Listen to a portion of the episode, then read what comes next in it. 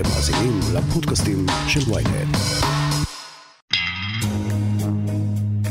לאחר דחיות רבות, בשבוע שעבר קרתה היסטוריה קטנה בישראל. הרכבת הקלה בגוש דן התחילה לנסוע. ברוכים הבאים לאירוע ציון התחלת נסיעות המבחן של הדנקל, הקו האדום של הרכבת הקלה. זאת אמנם רק נסיעה קצרה של הקו האדום בפתח תקווה, אבל הקו יחצה בסופו של דבר את תל אביב ויגיע עד בת ים. בקיצור, פרויקט התחבורה המורכב ביותר בתולדות המדינה קורם עור וגידים, גם אם באיחור לא מבוטל.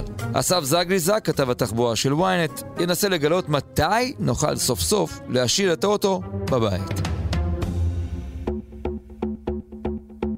הכותרת, הפודקאסט היומי של ynet עם עטילה שומפלבי. אז אסף, לפני שמתחילים רגע, תעשה סדר, זה מטרו או לא מטרו? זהו, אז זה לא מטרו, זה בעצם רכבת קלה, וזה באמת הזמן להסביר שרכבת קלה ומטרו אלו שני יצורים תחבורתיים שונים לחלוטין. אנחנו בעצם מדברים על רכבת קלה, כפי שאנחנו רואים uh, שקיימת כבר היום בירושלים, וגם בערים uh, רבות כמובן uh, ברחבי העולם, אלא שהרכבת הזו גם תעבור מתחת לקרקע, וזה מין יצור כלאיים כזה שעשו כדי שתהיה רכבת קלה, אבל היא יורדת גם מתחת לאדמה כמעין איזושהי פשרה תקציבית לרצון המקורי להקים באמת רשת של מטרו בגוש דן. איי איי איי. אוקיי, בסדר. אבל, אבל להיות עקום. אבל אפשר לקרוא לזה מטרו. לא, אני אגיד לך גם למה לא, כי בנוסף לשלושת קווי הרכבת הקלה שאנחנו רואים את העבודות עליהם כבר היום, יש תוכנית גרנדיוזית וחשובה מאוד להקמת רשת של עוד שלושה קווי מטרו אמיתיים שיהיו בגוש דן. אם באמת uh, תתוקצב התוכנית החשובה הזו. אז נתפלל. בינתיים, בואו רגע נדבר על התאריך. הרי איחרנו כבר, נכון? היינו כבר אמורים לנסוע עם, ה... עם הדבר הזה. היינו אמורים ממש להיות uh, חודשים ספורים לפני ההפעלה המסחרית של הקו האדום של הרכבת הקלה, אבל כמו כל הפרויקטים התשתיתיים במדינת ישראל, כפי שראינו במקרים רבים, גם הפרויקט הזה נדחה ב-13 חודשים, ואנחנו נוכל לעלות על הרכבת הקלה, אם לא יהיו דחיות uh, נוספות, בנובמבר 2022, אז יצא הקו האדום לדרך. נובמבר 22. רשמתי. עכשיו בואו נלך רגע אחורה דווקא, לא קדימה. מתי התחילו בפעם הראשונה לדבר פה על, על רכבת קלה, על מטרו, תקרא לזה איך שאתה רוצה? אז באמת בשנות ה-60 וה-70 דיברו על זה שתהיה רכבת תחתית uh, בתל אביב, יש כותרות מידיעות אחרונות שמבשרות על כל התהליך הזה, ובאמת בהתרגשות רבה, אלא שהוא באמת uh, נגדע באמצע בגלל uh, מלחמת uh, יום הכיפורים, בגלל המשבר הכלכלי uh, שהיה באותן שנים, אז החליטו שבאמת אין מספיק uh, תקציבים כדי לממן את, ה, את הפרויקט הענק הזה. אגב, גם הגישה אז בכלל לתחבורה ציבורית הייתה גישה כזו שלא צריך uh, למהר וזה היה פריחת הרכב הפרטי. בעצם יש איזושהי כרזת בחירות של צ'יץ', ראש העיר המיתולוגי של תל אביב, שאומר שם במילים כאלה או אחרות, בזמן שלכם מבטיחים את כל הרכבת התחתית הזאת וזה, שזה דורש כל כך הרבה שנים וכל כך הרבה תקציבים, ובטח יהיה שם דחיות, עזבו אתכם, אני מרחיב לכם נתיבים, פותח מחלפים. כלומר, הגישה הזו הייתה שרכב פרטי, כל משפחה חייבת להחזיק רכב פרטי, זה סמל סטטוס, זה החיים האמריקאים שהישראלים כל כך השתקקו אליהם, הרחובות שלנו שלנו, הערים שלנו תוכננו ככה שהם ישרתו נסיעות של רכבים אה, פרטיים, ובתוך הגישה הזאת, ועם המשבר הכלכלי שהיה, אז פשוט מאוד זנחו את הפרויקט הזה אה, לחלוטין, ששב וקרם עור וגידים מאז אה, תחילת המילניום, אפשר להגיד, אז באמת שוב אה, עלה הנושא הזה של הרכבת הקלה על הפרק, פרסמו מכרזים, אה, היו זוכים, היו שם כל מיני בעיות משפטיות, כי זה דבר, זה דבר שלא התעסקו בו בארץ אה, קודם לכן, זה באמת פרויקט אה, ענק, וחוסר הניסיון הזה הוביל להמון המון דחיות גם בהמשך, עד כדי כך שאפילו היה זכיין שכבר קיבל על עצמו אה, את הפרויקט הזה ושכבר רצה לצאת לשטח ולעבוד, אבל לא הצליח לגייס את, את הכספים בעקבות עוד משבר כלכלי גדול שהיה בשנת 2008, ומאז שוב פעם דחיות. אגב, גישה הפוכה לגישה הכלכלית שננקטת היום, כי אנחנו יודעים שדווקא השקעה בתשתיות מזרימה את, אה, את המשק וגורמת אה, לצמיחה, ודווקא גם בתקופות של משברים כלכליים משתדלים לפגוע כמה שפחות בהקמת אה, פרויקטים לאומיים שדווקא יכולים רק להוסיף לצמיחה של המשק. שלוש, שתיים, אחת, פיצוץ!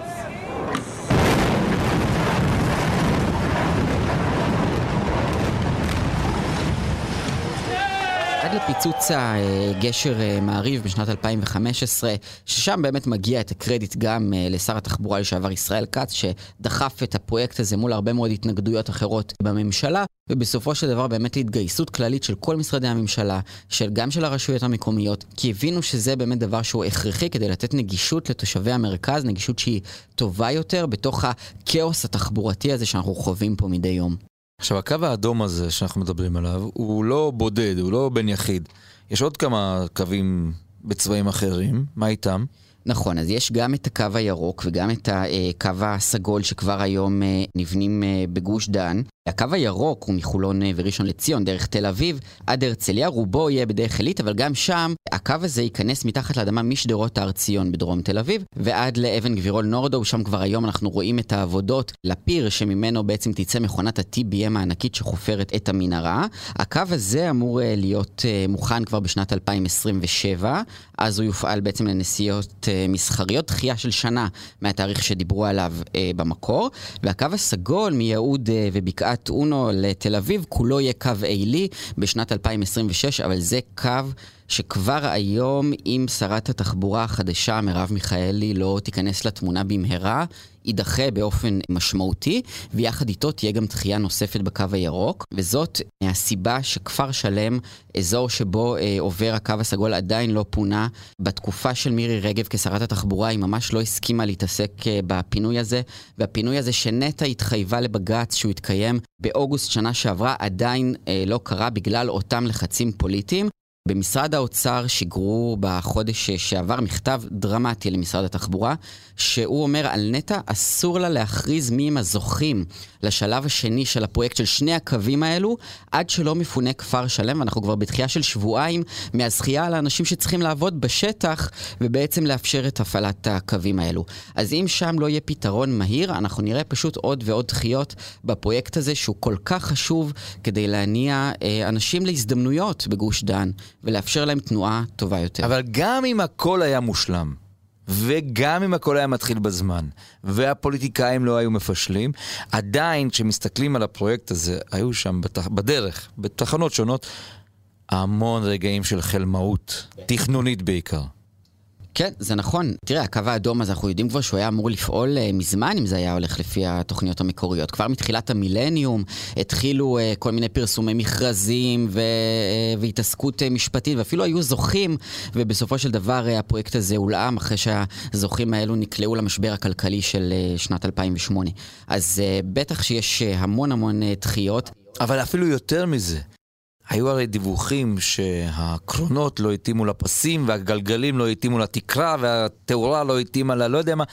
עשו המון פאשלות שעיכבו גם את התהליכים הפיתוחיים של הרכבת הקלה. תראה, ה-13 חודשים האלו אה, של התחייה, אז אה, תרצו אותם בהתחלה, שזה קרה בגלל הקורונה ודברים כאלו, אנחנו יודעים שהתמונה שם הייתה יותר מורכבת, היו שם גם נושאים מקצועיים שלא טיפלו בהם כמו שצריך, למשל התמקדו מאוד בהנדסה האזרחית, בחפירת המנהרות, אבל צריך גם את התקשורת, צריך, יש שם הרבה, אה, זה פרויקט בכל זאת שלא נעשה קודם לכן בארץ, ובטח שהיו שם פערים בעניין הזה, וגם היו שם הרבה מאוד מאבקי כוח בין יושב ראש החברה ובין המנכ"ל, שבסופו של דבר התפטר אה, בשיא המשבר הזה של החברה, איתו עוד חמישה סמנכ"לים. החברה הזו נקלעה לסחרור במהלך אה, חפירות הקו האדום, ואין ספק שגם זה השפיע, בנוסף לסיבות האחרות, על התחייה של הקו האדום.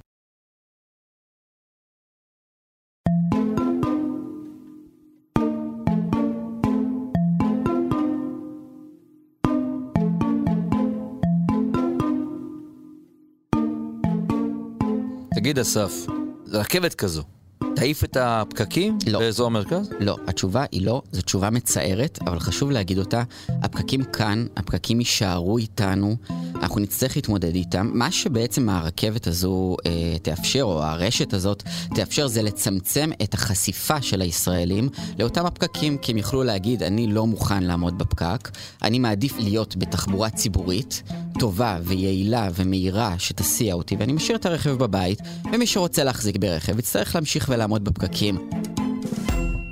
היום תל אביב ממוקמת במקום ה-21 מתוך למעלה מ-400 ערים שנבדקו ברחבי העולם בעומס ובגודש הכבישים. אם לא יפותחו כאן מערכות להסעת המונים, שהרכבת הקלה היא רק צעד אחד בדרך אליהם, והמטרו הוא בעצם ה-game changer הגדול, שיכול לחלץ אותנו, את הישראלים, מלהיות כל הזמן בפקק, אנחנו פשוט מאוד נגיע למקום של קריסת התחבורה בגוש דן. ולבעיה מאוד מאוד גדולה למשק, הרי אה, תל אביב היא הלב הפועם של המשק הישראלי, של הכלכלה הישראלית. ובתנאים כאלו של גודש כזה קיצוני, וכשאנחנו יודעים שבשנת 2040 יחיו כאן עוד מיליון וחצי בני אדם, חייבת להיות רשת של מטרו שזה יצור שונה לחלוטין. סתם לדוגמה, הרכבת הקלה תסיע בשעות העומס 7,500 נוסעים. מספר מכובד ויפה, אבל המטרו יוכל להסיע 25,000 נוסעים. וכל הפיתוח הזה סביב תחנות המטרו ייתן רוח גם נדל"נית, גם כלכלית, גם אורבנית, דבר שהוא חסר תקדים ביחס אה, למדינת ישראל, והוא באמת יוכל להוציא את גוש דן מהבוץ. אנחנו יודעים שבשנת 2040, אם לא יוקם מטרו, כל הרשת הזאת של הרכבות הקלות שדיברנו עליה תגיע ל-150 עד 170 אחוזי תפוסה ביחס לקיבולת שהיא יכולה לתת, אז גם התחבורה הציבורית תהיה בקריסה וגם התחבורה הפרטית לא תוכל לספק מענה, ולכן חשוב מאוד, אטילה, שהממשלה הזו תיכנס במהרה לנושא הזה ותקדם את התוכנית הענק הזו. זה מאוד מעציב מה שאתה אומר, כי על פניו, כל אחד מאיתנו אמור להגיד, וואו, איזו הקלה, אני לא צריך אותו. אבל זה לא מה שיקרה. נכון, תראה, השכונות uh, בישראל, הערים בישראל, תוכננו כדי לשרת רכב פרטי בסופו של דבר, ויש הרבה אנשים שבוחרים גם לחיות, למשל, במקומות יותר כפריים, כמו מושבים ו- וכדומה, שיצטרכו להמשיך להחזיק רכב פרטי, כי תחבורה ציבורית לא תוכל לתת שם מענה יעיל, אלא אם כן באמת ישנו את רשת הרחובות ובאמת יתערבו בצורה אגרסיבית בערים. ולכן אנחנו יודעים שגם uh, ב- במדינות uh, המפותחות וגם ישראל שואפת לפיצול של 40% מהנסיעות בתחבורה ציבורית, ה-60% הנותרים, יהיו uh, ברכב פרטי. Uh, ומי שיבחר לנסוע ברכב הפרטי יצטרך לעמוד uh, בפקקים. אין יותר מקום להרחיב כבישים, אין לאן פשוט. אנחנו חיים במדינה קטנה, מדינה צפופה, גוש דן צפוף. אין איפה להוסיף עוד מחלפים, עוד כבישים. גם רואים שכשאתה מוסיף כביש הוא מתמלא במהרה במכוניות נוספות למדינת ישראל. כל שנה נוספות עוד 100 אלף כלי רכב פרטיים על הכביש. אתה בקיצור, זה כאילו קצת אנחנו... אנחנו רודפים... כבר תקועים. נכון, אנחנו רודפים אחרי הזנב של עצמנו. הדרך להקל על הדבר הזה היא פשוט מאוד לספק אלטרנטיבה ראויה. היום התחבורה הציבורית, הגישה אליה שנים הייתה כאיזשהו כלי שמסיע אנשים מעוטי יכולת, עניים, שאין להם יכולת לקנות רכב פרטי, וזאת הסתכלות עקומה לחלוטין על התחבורה הציבורית. צריך להסתכל על הכבוד של הנוסעים, צריך לכבד אותם, כדי שהם יוכלו לבחור גם בכלי הזה שיסיע אותם, ושייתן להם הזדמנויות, וגם צריך לדבר על זה של-30% מהישראלים אין רכב פרטי, אין להם את האלטרנטיבה הזאת. אם אתה לא נותן להם תחבורה ציבורית יעילה וטובה, אתה פשוט מאוד מפקיר את הנגישות שלהם להזדמנויות השונות. אתה יודע, אסף, שמסתכלים על העולם הזה של התחבורה, התחלפו פה לא יותר מדי שרי תחבורה בעשור האחרון. ישראל כץ שלט ביד רמה במשרד הזה, ואז באה מירי רגב. התחושה של הבלגן היא תחושה מוצדקת, או שמא גם השרה הזו נתנה פוש לפרויקטים תחבורתיים? לא, היא תחושה מוצדקת לחלוטין. אני סיקרתי שלושה שרי תחבורה, עכשיו תגיע הרביעית. מבין שלושת הקודמים אני חושב שמירי רגב הייתה שרת התחבורה הכי פחות טובה של ישראל. יש המון המון ביקורת גם על ישראל כץ, על זה שהוא קידם כבישים והזניח את התחבורה הציבורית, מה שנקרא העשור האבוד בתחבורה הציבורית. אבל אי אפשר להגיד שישראל כץ לא... עבד כדי uh, לייצר uh, תשתיות במדינת ישראל. אפשר לחלוק, אפשר, אפשר למתוח ביקורת, אבל הוא כן עשה. סמוטריץ' במעט הזמן שהוא היה, באמת נתן המון המון המון דגש לתחבורה הציבורית, ואפילו לראשונה הסבו תשתית קיימת בכביש 2 ובכביש 20, כדי להעביר אותה uh, לשימוש של התחבורה הציבורית. בתקופה של רגב היו המון המון uh, סיסמאות, המון דיבורים. אגב, רגב מתנגדת לפרויקט uh, המטרו שדיברנו כרגע uh, על החשיבות שלו, היא טוענת שצריך להשקיע בפריפריה אה, במקום, אבל כשפורטים את התוכניות שלה לפריפריה, מגלים שהתועלת שלהם לאותם ערים בפריפריה היא תועלת שולית. אנחנו נחלץ פרויקטים שתקועים מכל מיני סיבות. נחלץ אותם וניתן להם בוסט ונקדם אותם בשביל שהם יהיו נגישים ומעשיים כמה שיותר מהר וישרתו כמה שיותר ציבור. השרה מיכאלי נכנסת, אנחנו לא יודעים לכמה שנים, קשה מאוד להזיז פרויקטים של תשתיות כאן במדינת ישראל, בוודאי בתשתיות תחבורתיים. פרויקטים של תשתית אלה פרויקטים גדולים, איטיים מאוד, מה הסיכוי של השרה מרב מיכאלי בכלל לעשות שינויים? אז יש לה סיכוי, קודם כל בפרויקטי ענק, אז באמת אה, ככל הנראה, אלא אם כן היא תשבור את השיא של אה, כץ במשרד התחבורה, ככל הנראה הפירות יבשילו באמת אחרי שהיא תסיים את אה, תפקידה. אבל יש לה תפקיד מאוד מאוד משמעותי בפרויקט הזה של המטרו שדיברנו עליו קודם. הממשלה הזו גם תצטרך לקבל את חוק המטרו, שזה בעצם חוק שמפקיע סמכויות מהרשויות המקומיות ונותן אותם לרשויות הביצוע כדי להימנע מסחטנות פשוט מאוד בדרך של הרשויות המקומיות. בעניין הזה ולתת יותר סמכויות, אבל היא תוכל גם לבצע הרבה מאוד אה, פעולות שהן לא דורשות התערבות אה, כירורגית אה, כל כך משמעותית במערך התחבורה. סלילת שבילי אופניים, ראינו בהרבה מאוד מקומות בעולם שאפשר לעשות את זה בתוך יממה.